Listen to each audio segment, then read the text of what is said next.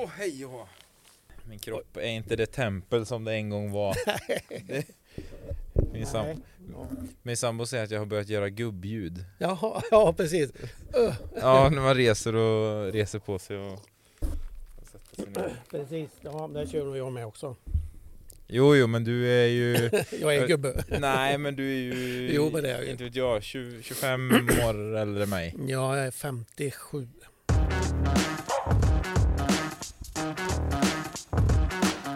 Av sina 57 år på jorden har Anders spenderat 37 av dem på Billingen. Är det någon som vet hur man gör snö, fina spår och skapar en välfylld slalombacke så är det han. Årets säsong har i och för sig redan börjat då vi fick en ovanligt tidig köldknäpp för några veckor sedan. Men när vi nu äntrar säsongen på riktigt så är Anders lika taggad som vanligt. Jag spenderade en kall förmiddag tillsammans med Anders uppe på berget för att sen släpa med honom ner till studion där han fick svara på alla frågor jag hade kring snö och snötillverkning. För många är vi som undrar hur det egentligen går till.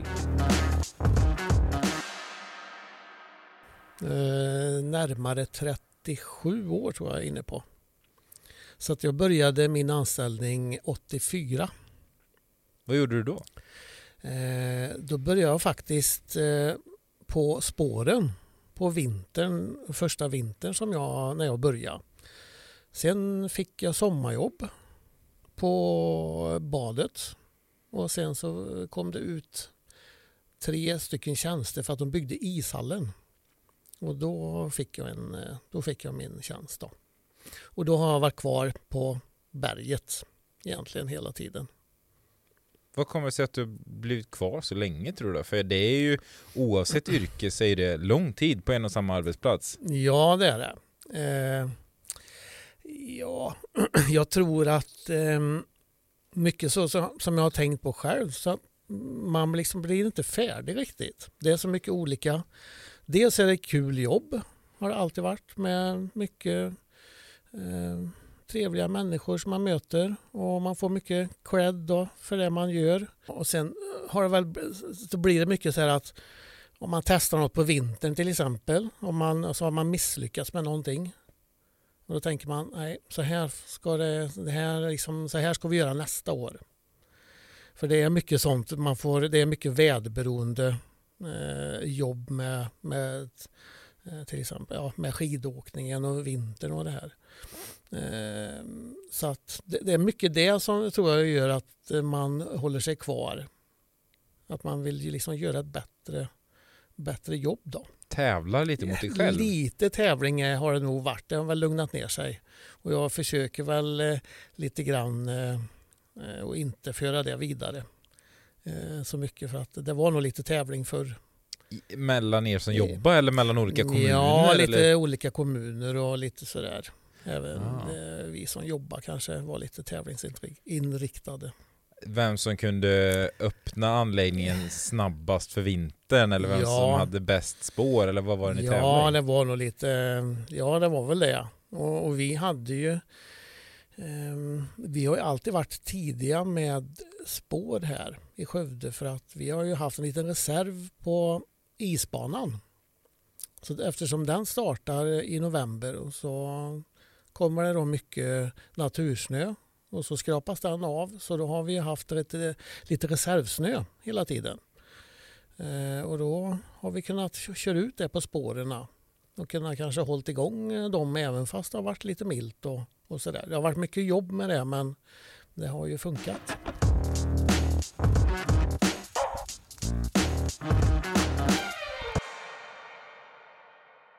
Och du är ju här idag för vi ska prata främst och primärt om, ja det blir väl mycket längdskidor, men snötillverkning och hur, mm. hur det går till och vi, folk har fått ställa frågor mm. till dig och det har kommit in ett gäng. Mm. Eh, om vi ska ta, hoppa in i det på en gång. Mm. När börjar ni vara standby för att spruta snö? Eh, det brukar vara nu någon gång i i november. Eh, sen är ju det förberedelser. Eh, det är att göra ordning då, spårbäddar och och allting sånt. Och så det, det börjar ju redan i september egentligen och med förberedelserna. Och vi gör i ordning eh, snökanonsystemet eh, med alla, går igenom alla snökanoner och ser till så att det funkar, provkör. Så att allting är okej okay då när det väl blir kallt. Hur många snökanoner finns det på Billingen? Vi har nog 55 lansar tror jag nu och 20 fläktar ungefär med de som är i slalombacken också. Så att, 70-80 ehm, stycken? Ja, det har vi. Och när du säger att ni ska gå igenom dem, mm. vad, vad, gör man då? Ja, dels så det är lite olika underhåll då på lansar och fläktar. Men det är ju mycket att göra rent munstycken så att det blir eh, rätt sprutbild och, och sånt där så att vattnet fryser som det ska. I och med att det är luft och man eh, blandar ju luft och vatten och då gäller det att det funkar, eh, eh, liksom, ja, att det är rätt och att det, allting fungerar som det ska med det. Att annars så blir det ingen snö. Även om det är minusgrader ute. Men de här snökanonerna, vad är det som skiljer dem åt? Då? Du pratar lansar mm. och du pratar fläktar. Mm. När använder man den ena och när använder man den andra? Och vad är de vad är skillnaden på eh, dem? Man kan ju, vi använder det samtidigt, men en fläktkanon den eh, blandar ju vatten och luft eh, i en krans med munstycken. Det sitter många munstycken i fram då, kanske 200. Eh, sen kan man öka då, vattnet är ju kallare det blir. Och då har du en fläkt som eh, trycker iväg det. Eh, att det kanske hamnar med, ja, mellan 20 och 40 meter längre på en, på en stor yta. Så de kanonerna är ju lite bättre då på större ytor i slalombacken, på skidstadion och, och på sådana ställen. Eh, sen har vi ju lansar då som sitter lite mer fast och som eh, då har du luft och vatten som blandar sig. Och eh, de där flyger ju inte så långt utan då har du mera en... Eh, du kan ju både ha lägre och högre men eh, ju högre lansen är ju bättre är det egentligen för att eh, det blir ju lite längre tid för fallhöjden med dropparna. Det blir ju lite lättare och det fryser, fryser bättre. Standby i början av, eller i mitten av november. Mm. Eh, snökan... Det är jag som säger snökanon. Den mm. är, men du säger fläkt. Mm. Eh, den på stora ytor. Mm. Lansar tar eh, lite mindre Ja, lite mindre ytor. ytor. Mm. Eh, men när kan man dra igång de här kanonerna? kanonerna? Mm. Alla vet ju att det har med temperaturen att göra. Mm. Men jag har fått uppfattningen om att bara för att det är, går under nollan och blir minus så det är inte bara att trycka på knappen. Nej, eh, det gäller ju först och främst så ska det ju vara minusgrader. Sen är eh, vinden en, en stor faktor, att det blåser. Eh, helst ska det inte blåsa allt för mycket. Då kan du styra snön eh, och lägga den liksom var du vill då. Eh, blåser det jättemycket så är det ju viktigt att att snön går med vinden och det kan ju bli så att eh, eh, det går inte att styra så att det hamnar i skogen alltihopa. Och då får du stänga av den helt enkelt. Eh, sen har du luftfuktighet som är också en eh, viktig faktor, då, särskilt då i de här marginaltemperaturerna 2, 3, 4 minusgrader. Så att när man, om man kan säga så här att när man skrapar, när det är mycket frost ute eller om det är eh, man får skrapa bilrutorna till exempel. Då är det hög luftfuktighet och det är inte så bra när man eh, sprutar snö. Utan eh, de gångerna när du inte behöver skrapa rutorna på bilen och det är minusgrader. Då är det bra. Då kan man räkna med då att då går kanonerna. Ja, då går det. Och även då kanske det går med lite högre temperaturer då. Kanske vi brukar starta vid ungefär 3 grader men det kan kanske gå då vid 2 grader.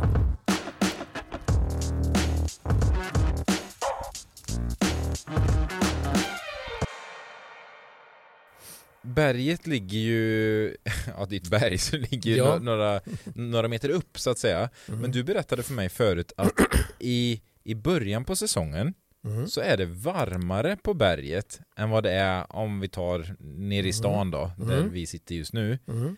Men sen växlar det någon mm. gång under vintern, då blir det kallare på berget mm. och varmare i stan. Mm. Kan du berätta lite om det där? För det, det där visste inte jag. Nej. Jag trodde det alltid var, jag vet ju att värme stiger, mm. men ändå så har jag tänkt att det alltid är kallare ju mm. högre upp man kommer. Det är lite mm. motsägelsefullt. Ja, precis. Nej, men så är det faktiskt. Eh, vi kan ju ha jag bor lite utanför stan och jag kan ju ha kanske 6-7 minusgrader och så går jag in och tittar på systemet då, för vi har lite väderstationer och sånt. Då kan det vara en halv, en minusgrad på, uppe på berget.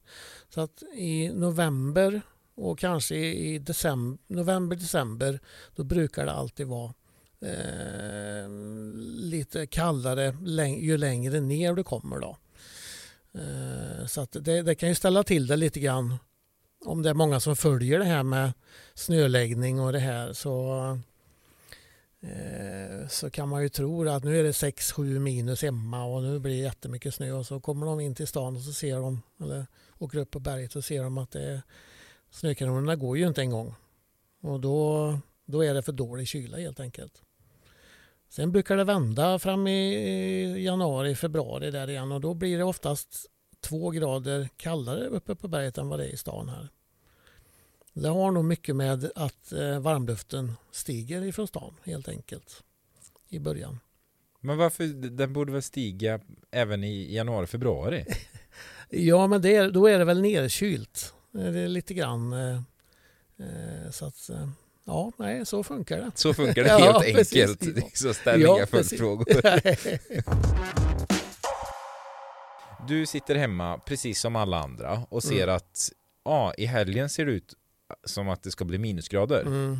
Hur kommer arbetsgången att bli? Ja, eh, börjar det då i, vi kan säga att det börjar i december då. Och då blir det då kallt. Vi ser att det är en, eh, två, tre dygn som blir kallt. Och ja, då är vi ju förberedda och då får ju ett par stycken eh, förbereda sig för att jobba natt till exempel. För oftast då så är det ju kallast på nätterna. Så att, eh, det kan hända att det är kallt på natten och tidig morgon och sen får du stänga av på dagen. Till exempel när det är de här marginaltemperaturerna. Så att eh, Eh, ja, det, det, det, är det att man, man tänker ju hela tiden när man har varit med rätt så länge så vet man ungefär, man ser temperaturerna och då vet man ungefär vad vad som ska göras och, och sådär. Sen chansar du någon gång ibland och då blir det ingenting. Och det, det är så. Ja, det, det är svårt att, att, planera riktigt. Utan det, det blir väldigt mycket det här liksom kort varsel. På... Och det, med det här korta varslet då, det blir bra temperatur för att spruta snö? Och, ja. ni, har, och ni har bestämt vilka som åker mm. in. Ja, precis. Vad gör ni sen då? Ja, sen, eh, ja, sen startar man upp systemet och sätter det. Det kanske har stått på standby till exempel. Och då fyller det upp. Då när det kommer till en viss temperatur så fyller det upp systemet med vatten. Och, och sen startar det upp snökanoner då. Och sen kan vi välja vart vi vill eh, vart vi vill, liksom vilken slinga vi vill ha snö på eller och, så, och vi kanske även har förberett och ställt upp snökanoner innan då. Och, och, och titta lite grann hur, följer lite grann hur det kommer blåsa och sådana grejer. Så att vi ställer upp snökanoner på rätt ställe. Och hur ser prioriteringen ut då? Du, du sa ni väljer själva var ni lägger snön. Mm. Hur väljer ni? Ja, dels så är det väl lite grann så hör vi väl med föreningarna som vad de har för önskemål. Sen kan det vara om man har lite större tävlingar som vi kommer att ha kanske i vinter här nu och då, då gäller det kanske att lägga snön på de bitarna eh, först så att man säkrar det. Och, så det, det, kan ju vara lite, det, det, kan vara lite olika då, variera från år till år. Okej. Okay. Ja. För ni har ju någonting som heter Konstsnöspåret va? Mm. Det är inte så att det läggs först alltid? Eh, jo, det gör det. Jo, det gör det. För vi har ju sammanlagt en mil konstsnö. Men vi koncentrerar oss kanske på en, eh, en slinga. Vi, kan, vi har fem, sex olika slingor. Och då koncentrerar vi oss på en slinga i taget. Och att det kanske kommer från skidstadion och så utåt så att vi liksom har lätt att köra maskiner och sånt också. Och du behöver komma in i garage och, och sånt. Så man utgår kanske oftast ifrån stadion och så drar sig utåt. Då. För en sån slinga som gröna milen till exempel. Mm. Som är väldigt uppskattad för den är ganska, allt är relativt, Mm. men lättåkt. Mm. Men den, sprutas den till exempel överhuvudtaget? Nej, det gör vi inte. Utan det är bara natursnö. Så femman, vi har tre och en halvan, femman och milen. Det kör vi, det spårar vi när det kommer natursnö då. Gröna milen. Ja, Ja. gröna milen. För jag tänker det finns väl lila också? Ja, lila milen. Ja, och den har vi inte spårat nu på ett, eh, ett antal år.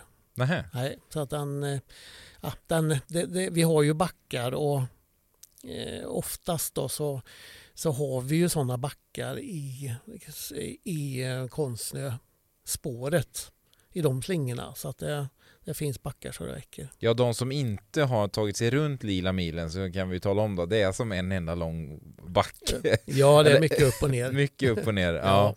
Ja, Okej, så ni pratar lite med föreningar, eh, Mm. tar lite hänsyn till om det är några tävlingar Mm. och så. Mm. Men eh, generellt Mm. så är det, ni börjar på det konstsnö.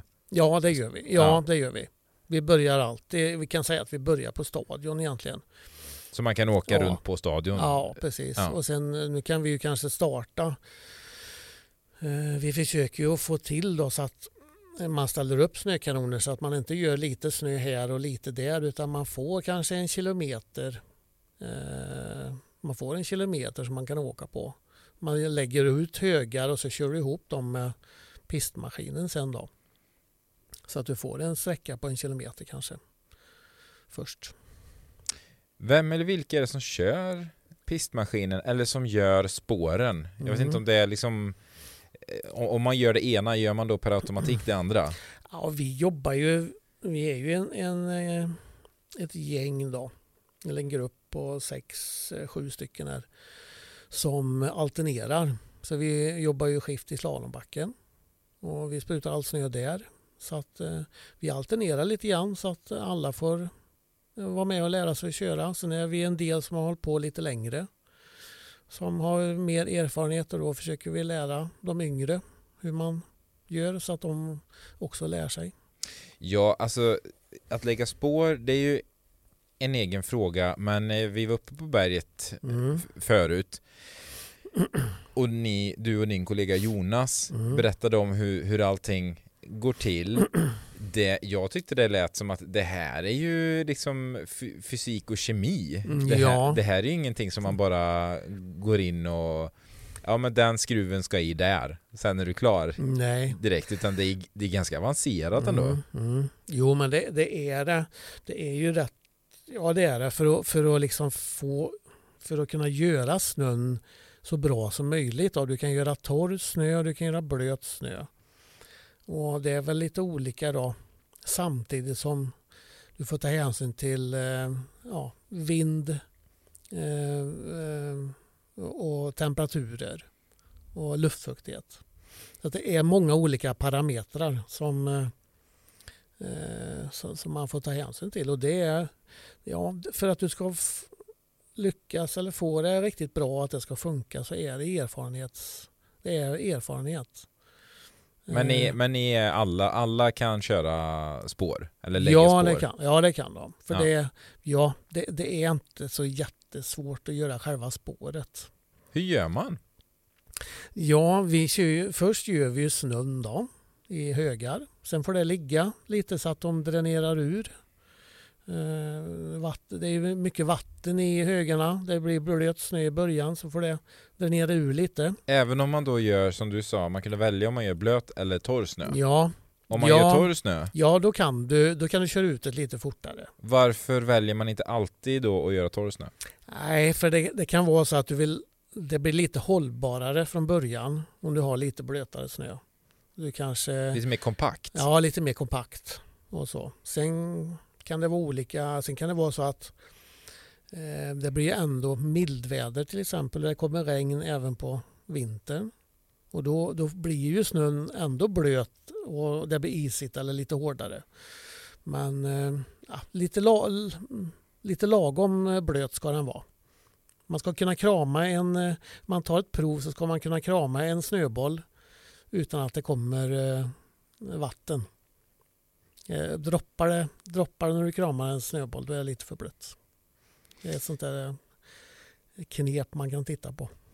Men vi var på spåren. du, du sa att det inte egentligen är så svårt.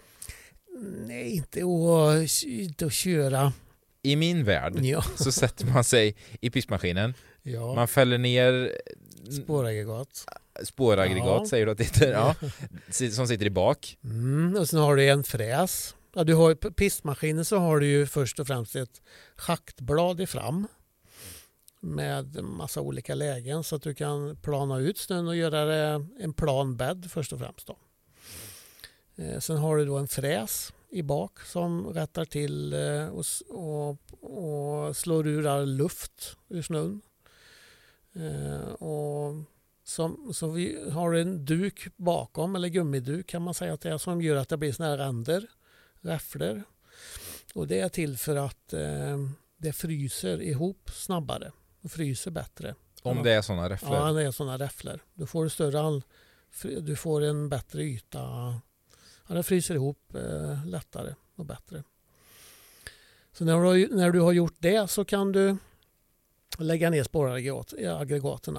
Men gör man allt det här på samma gång? Alltså på samma mm. sväng? Alltså att först kör man schaktbladet längst fram på maskinen Sen kommer ja, mm. något annat och ja, sen så, eller måste man köra flera gånger? Ja, vi kör ju flera gånger. Oftast kör du ut när, om man kör ut högar till exempel med nytillverkad snö då, då kör man ju och schaktar ut det först.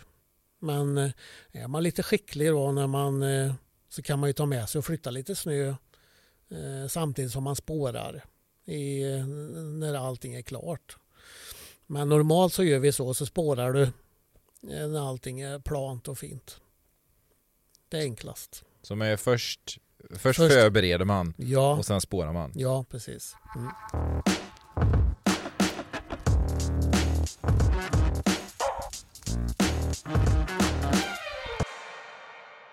Det går ju även att göra fel. Ja, det, jo det gör det ju. när man spårar. Du berättade för mig förut att mm. du hade kommit åt en liten knapp vid, ja. vid något tillfälle. Kan du inte berätta det? ja, jo, vi, då har, vi har en sån här knapp som man kan bredda spårprofilen så att du åker eh, mer bredbent. Det kan man göra då när, om man åker i nedförsbackar och sånt när man kryper ihop. Så står man lite bredare. Och jag hade väl hållit på och jobbat en hel natt där och hade det schaktat ut snö och sen skulle jag spåra det sista. Eh, och jag vet att det var mycket på gång, mycket folk som var på väg upp och skulle åka skidor. Och, eh, det var eh, lite skidläger och grejer på gång där så att eh, jag hade väl en bit kvar att åka. Ungefär hälften av allt jag skulle spåra så skulle jag ändra på någonting och tryckte på fel knapp då, så att jag breddade ju den här spårprofilen så att den blev kanske 10, 15 centimeter bredare. Och det hade blivit lite kalabalik där på morgonkvisten för att när du åkte lite grann så fick ju folk både ont i knän och i Ljumskar och höfter, ja, ja precis. precis. Är man van skidåkare så märker ja, man du märker det, det direkt. Ja. ja. Och det tog väl en liten stund men sen var det, jag låg väl och sov hemma i godan ro men det var en annan kille som fick åka in och fixa till det. Göra om helt enkelt. Göra om ja. ja. Vad är det svåraste med att göra? Vi fastnar mycket vid, mm. vid spår, vi skulle prata om snötillverkning i, i stort men eh, jag, jag, tänker att spår och längdskidåkning det är väl det, eller vi kan ta det först är det det folk är mest intresserade av i den här stan eller den här regionen? För vi har ju trots allt en slalombacke också. Mm. Hur ja. ser intressefördelningen ut? Eh, jo, men den är, den är nog lite större på, eh, på spårsidan, längs, längdsidan. och, så vi har ju mycket, det kommer mycket folk nerifrån ja, hela västra Sverige egentligen. Mycket folk från Göteborg, det kommer från Borås och även fast de har många anläggningar där nere så kommer det ändå folk hit upp. Och det, är lite, det har alltid varit så också. Har, vi har varit tidiga med spår här så att det har, eh, det har väl varit så. Eh, så att, ja. Spår och längdskidor är? Ja, det, det är det som går i första hand tror jag. Ja. Mm. Men vad är det då som är eh, svårt? Eller vad är det svåraste? Ehm, ja, det är väl det är väl att kanske avgöra då om du hur snön är och om du ska spåra överhuvudtaget eller om, om det blir sämre om du spårar eller om det blir bättre. Eh, är det gammal snö, om det har varit kallt väldigt länge till exempel, då blir snön torr. Och fräser du då upp den med eh, fräsen på pistmaskinen, då blir det som socker och då är det inte säkert att det fryser ihop längre. Så att eh, det, det, då, då ska man köra så lite som möjligt. Så det är lite sådana grejer som man eh, kan styra då med erfarenhet. Att liksom nu får vi, ja, nu, nu kör vi inte. Liksom, nu får vi vänta till det kommer ett snöfall eller men det här är sånt som ni pratar om då i er, i er arbetsgrupp från ja, det det. gång till gång, dag till dag? Ja, precis. Det, får vi, det är inget som vi kan planera utan vi vet ju inte hur vädret blir. Så att det, det är sånt som vi avgör ja, varje dag. Är det du som har sista ordet i de här frågorna? Nej, det är det väl inte så, men jag kan, kan väl säga att jag har mest erfarenhet kanske. ja, var inte blyg nu. det är väl ganska överlägset mest erfarenhet? Ja, jo, det har jag väl. Ja. Men jag tycker det är kul. För det är en, det är en grej som man kan styra. Eh, det är, även om man nu får kanske åka in och, och spåra någon kväll och någon natt eller tidig morgon så är det ju det som lyfter upp det där, du får det lilla extra som folk eller kunder då eh, märker för att, eh, att du har bra spår oavsett vilken tid du kommer egentligen. Så ni, ni kan rycka upp eller rycka in eh, vilken tid på dygnet för att för då får ni så bra spår det bara går. Väntar ni till, mm. vi säger klockan är två på natten, mm. skulle ni vänta till arbetsdagen citationstecken mm. egentligen mm. börjar klockan åtta säger vi. Mm. Då skulle eventuellt spåren bli sämre menar du? Ja, mycket, mycket sämre. Eh, dels då för att du fräser ju sönder eh, snön och sen blir ju lös och mjuk. Och det tar ett antal timmar innan det fryser ihop. Eh, så kör man då kanske på 7-8 på morgonen och sen klockan 9 så är det ju mycket folk som redan åker. Och då kanske håller i två timmar, så har du inga spår längre. Men eh, kör du då på natten så att du har fått frys till ordentligt, då håller det i kanske två dagar. Så då är det värt att gå upp? Ja, precis. Ja, för då vet du att eh, då blir det bra spår.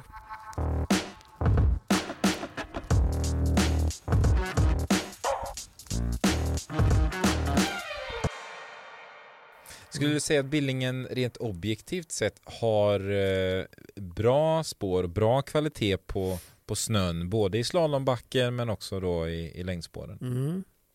Ja, jo men det har vi. Vi är nog lite kända för det. det. Det, kan ta, det kan skilja lite med tider och sånt där för folk jämför ju väldigt mycket om, eh, om det är spår kanske i Tranemo, eh, Ulricehamn och Borås till exempel och vi har inte fått till någon snö här uppe. Men då kan det vara så att det är skilt i temperaturer. Och det, eller i snötillgång till exempel, med natursnö eller någonting sånt. Så att, ja. För det är ju så här i södra Sverige, mm. det är ju ändå ganska små marginaler ja, på det det. temperaturen. Mm. Säg då att de här tran, vi säger Tranemo mm. har minus fyra. Mm och så hos oss är det nollan, mm. ja då kan inte vi Nej, köra. Då kan inte vi köra Men kommer man uppåt i landet så kanske det skiljer på minus 14 eller minus 10 och det är ja, bara att brascha på. Bara, ja, precis. Det är det som är det, är det som är svåra. Då. I, alltså svår, det, det är ju, vädret är ju sånt så att du kan inte göra någonting åt det. Men det är väl det som kanske folk har svårt att mm, förstå. Då. Att vi kan inte göra som, som andra anläggningar utan det, det, kan skilja lite grann. Normalt så brukar det väl vara ungefär samtidigt. Men eh, ibland skiljer det. Är det frustrerande att jobba med någonting som är så beroende av någonting som ni inte kan påverka? Ja, ibland kan det ju kännas så. Att eh, liksom, shit också, det kunde blivit lite kallare så man hann att göra färdigt. Eller det kan ju vara så att det blir, du hade en, ett halvt dygn kvar för att få ihop ett spår.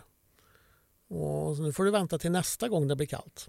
Då ser vi ungefär att nej men det här är ingen idé att vi kör, i, kör ut för att det kommer bli för lite. Eh, det kommer bli för tunt med snö och då, då kan det ju, är det kallt eller är det milt en vecka eller någonting så då kan ju det försvinna. Då är det bättre att det får ligga och så får vi vänta på nästa köldknäpp då.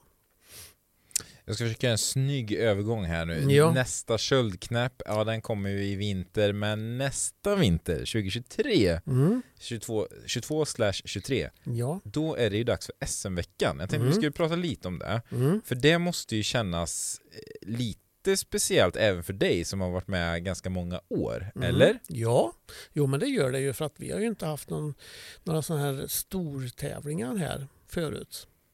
Och, det här, och här kommer ju Billingen spela en väldigt stor roll i mm. hela den här mm. SM-veckan. Vad kommer, har ni börjat prata om det? Vad, vad din roll kommer, kommer att vara i, i detta? Ja, det börjar ju, vi har börjat att förbereda lite grann. Nu är det föreningarna mycket som har eh, mycket förberedelser. Det är de som söker.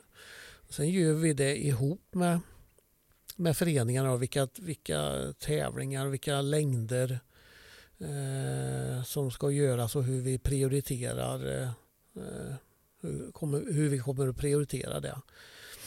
Men eh, Ja, alltså vi, vi vill ju gärna, de har ju fem kilometer till exempel. Som någon bana går på fem kilometer och så kör du ju flera varv på den. Men det kan ju vara så att vi bara får eh, ihop en och en halv kilometer. Men det går ju att tävla på det också. Så att det finns olika alternativ. Vi kanske har tio olika scenarier som, som det kan bli beroende på vädret. Då.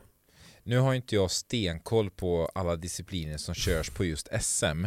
Men Nej. skulle det kunna bli så att man behöver köra en femmilare på en en och en halv kilometers slinga?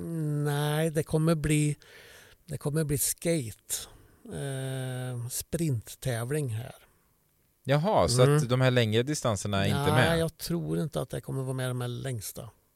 Är du, lite, är du nervös inför den här veckan? För det är ju trots allt mycket ligger ju på er. Nu vet jag att ni mm. kan ju mm. inte påverka om det är, alltså, ni kan ju inte påverka väder och vind. Nej, nej det kan vi inte göra. Men, eh, men jag menar, det är ändå ni som ska se till så att det finns mm. spår och bra spår. Mm. Ja. Nej, det men jag tror att vi, det löser vi nog rätt så bra tror jag.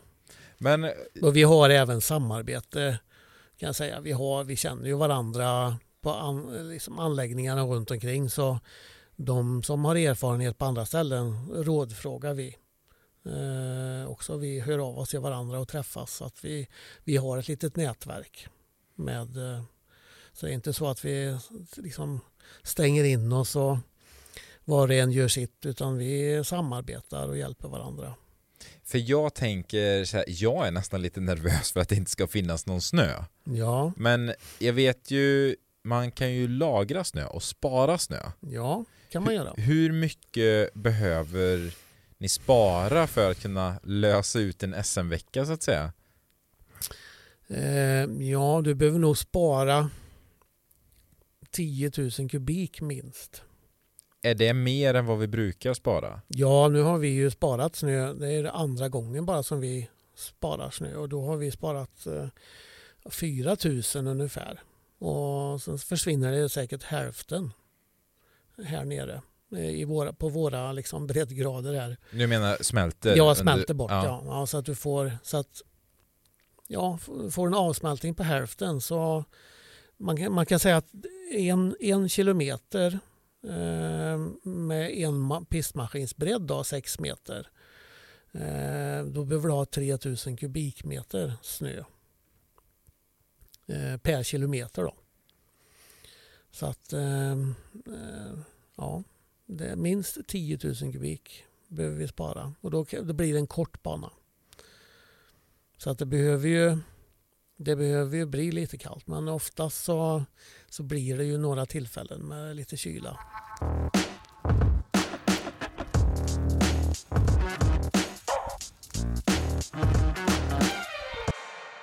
När jag kollade på kommentarerna här eh, som, som las när vi la ut på sociala medier att, att du skulle vara med. Mm. Du verkar vara väldigt omtyckt mm. i, i stugorna. Ja. Vad tror du att det ja. beror på? Vad, vad, vad, gör du som, eh, som en annan kanske skulle försöka ta efter? ja, jag vet inte riktigt. Jo, men jag, jag tycker väl, jag är lösningsfokuserad, det vet jag. Och jag tycker väl att det är kul att, att serva människor helt enkelt. Och jag trivs med det. Och jag ser inga liksom problem. I, jag ser väl inte så jättemycket problem om man får hugga i lite här och var. Och, och kan man lösa saker och ting så ja, så gör man det. Vi, pr Men, vi, eh, vi, pratade lite, lite förut om, eh, om vi ska prata lite backen. Ja. Eh, att du, när, ja, när jag var tonåring, ja. var väldigt engagerad i den, vad kallar man den, snowparken. Ja. Mm. Eh, och förde väldigt mycket dialog med oss som, som åkte där. Mm. Är det någonting som ni fortfarande gör i, i, i backen och, och generellt? För den mm. var ju mm. väldigt inofficiell, mm. den dialogen. Det var ja. ju det här med att vi såg att du jobbade och mm. så, ja Anders, kan vi inte göra hoppet större? Och så mm. hjälpte du till att göra det större. Mm. Är det så idag? Ja, men det lever nog kvar lite grann faktiskt. För att eh, nu har vi eh, Jonas, en kille då, som är anställd. Eh, så han är jätteduktig på det här med att göra hopp och, och eh, en fin park då med hopp och rails och har intresse av det. Så han, eh, eh, nej, jag tycker att vi har det. Vi, och de andra, eller vi, är, vi är ett gott gäng liksom. Vi har den mentaliteten allihopa tycker jag. Och servar och... Att inte bara säga nej av ren... Eh, nej. Bara för att? Nej, precis. Utan kan vi lösa det på eh, något enkelt sätt så gör vi det. Och vi, vi eh, räknar ju inte våran arbetstid på det viset som kanske andra avdelningar gör. Som eh, måste ha betalt för sina timmar. Utan vi, det är ju ett litet service, serviceyrke där uppe också, eller på fritid. Det är lite, lite ge och ta. Ja, precis. Det är det. Och jag tycker det är, det är kul. Det. Slalombacken, om vi bara tar några ord om den innan vi mm. rundar av här. Mm. Är den lägst prioriterad när det kommer till eh, snötillgången? um, nej, det krävs ju vi gör ju snön på, på bägge ställena samtidigt om det går. Eh, så att det tar lite längre tid där. Eh, vi har inte riktigt så många snökanoner, eller så stort snökanonsystem där så att eh, det tar lite, tid, lite längre tid där att få åkbart. En, det kan gå på ett dygn och få på spåren så kan det gå på ett dygn och få en kilometer åkbart till exempel. Ett dygn med snöläggning. Medan backen kanske tar fem dygn innan du kan åka skidor. Och då kanske det dessutom bara är halva backen? Ja, precis. Så vi, vi, vi kan väl räkna med det att det kanske tar ja, sju dygn ungefär. Men då måste det vara kallt dygnet runt också. Så att det inte bara är kallt eh, ett par nätter. Utan eh, då ska vi kunna spruta snö dygnet runt. Men kollar, kollar ni då eh, innan att nej men det kommer bara vara, vara kallt här tre dygn, vi hinner Mm. inte göra så mycket med backen, det är ingen idé. Mm. Vi lägger allt krut på längdspåren istället, eller hur? Ja, nej, nej, utan vi, då bygger man, då får det ligga i högar. så att, eh, och så väntar man, kan det vara milt en vecka, 14 dagar. Eh, Särskilt nu i december kan det vara så. Det brukar komma alltid någon köldperiod i början på december kanske eller i slutet på november. Och då kanske vi hinner att göra lite snö. Sen vet man ju inte hur länge, hur, hur lång tid eh, det tar innan nästa kyla kommer då. Så bygger man på och till slut blir man ju klar. Så, att, eh, så, så brukar det gå till i slalombacken. Det tar lite längre tid där. Du, Anders, Ja, jag tänkte vi skulle runda av. Jag lägger ifrån mig min, min lilla min, min platta här med Mm. mina stödord och, och frågor. Eh, jag vill tacka dig så mycket för att du tog dig hit och Mm. snackade lite, ja, mycket längdskidåkning blir det ju och, Mm. och spårläggning och snötillverkning och mm. har du några sista saker du skulle vilja skicka med eller sånt som vi inte har tagit upp som folk kan det kan vara bra att veta eller Mm. bara allmänna fun facts. jag vet inte riktigt. Men jag tycker att vi har lyckats rätt så bra nu.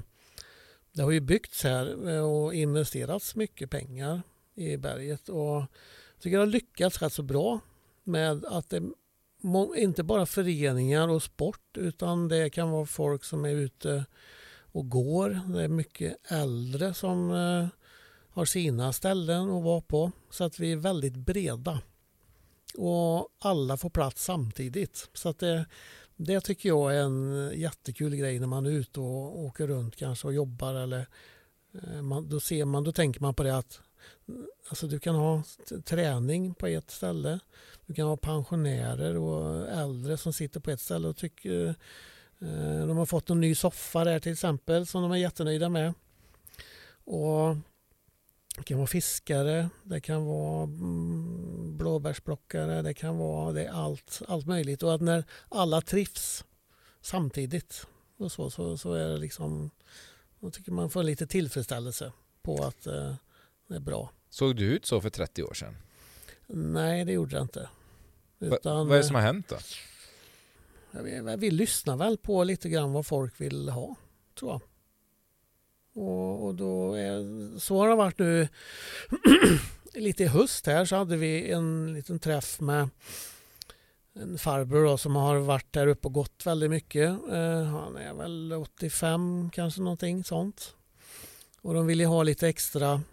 De tyckte att de hade lite för lite soffor att sitta och vila på runt Åsbetorpsjön till exempel. Så är det en kille som har gjort, eh, vi har nog satt upp fyra eller fem olika eh, soffor nu då. Eh, till dem då och tänkt på de äldre. Så att det, och de har fått liksom, där vill vi ha en, eh, en soffa för då, då har vi en liten bit kvar och lite sådär. Och på fina ställen. Så att de har blivit jättenöjda. Så att det är kul att serva. Det är inte bara föreningslivet och, och de grejerna utan eh, det är det kan vara ja, det lilla. Och göra det så att alla trivs då. Det ramar väl kanske in lite, vi pratade lite om varför folk verkar gilla dig så mycket. att du, ja, men du lyssnar och Mm. som sagt inte bara säger nej därför att nej men det är inte min uppgift utan Nej, nej. kan vi lösa det så, Mm. så kikar vi på det. Mm. Fint. Ja. Fint tycker jag. Mm. Och jag märker också att du, du med tiden här nu har hasat ner mer Ja, och mer i, i stolen. För jag ser knappt dig snart för du är nere bakom mikrofonen. Ja. Men du Anders, tack så jättemycket för idag. Mm. Hoppas att eh, folk har fått- med sig något eh, matnyttigt. Jag Ja, har i alla fall precis. lärt mig, jag har ju som sagt varit med dig på berget här, här Mm. innan, det är därför jag sitter i fleecetröja och, och allvädersbyxor. Så jag fick ju lära precis. mig eh, lite innan här också. Mm. Jätteintressant. Vi säger så så länge. Tack för att ni har tittat, ni som har gjort det och ni som har lyssnat. eh, Tack så mycket till er. Har ni åsikter, frågor, synpunkter, framförallt till mig då, men eh, ja, även till Anders så kan jag förmedla dem vidare. Så mejla gärna in till podcast.skode.se. Går jättebra. Tills nästa gång vi hörs och ses. Ha det fint. Hej då!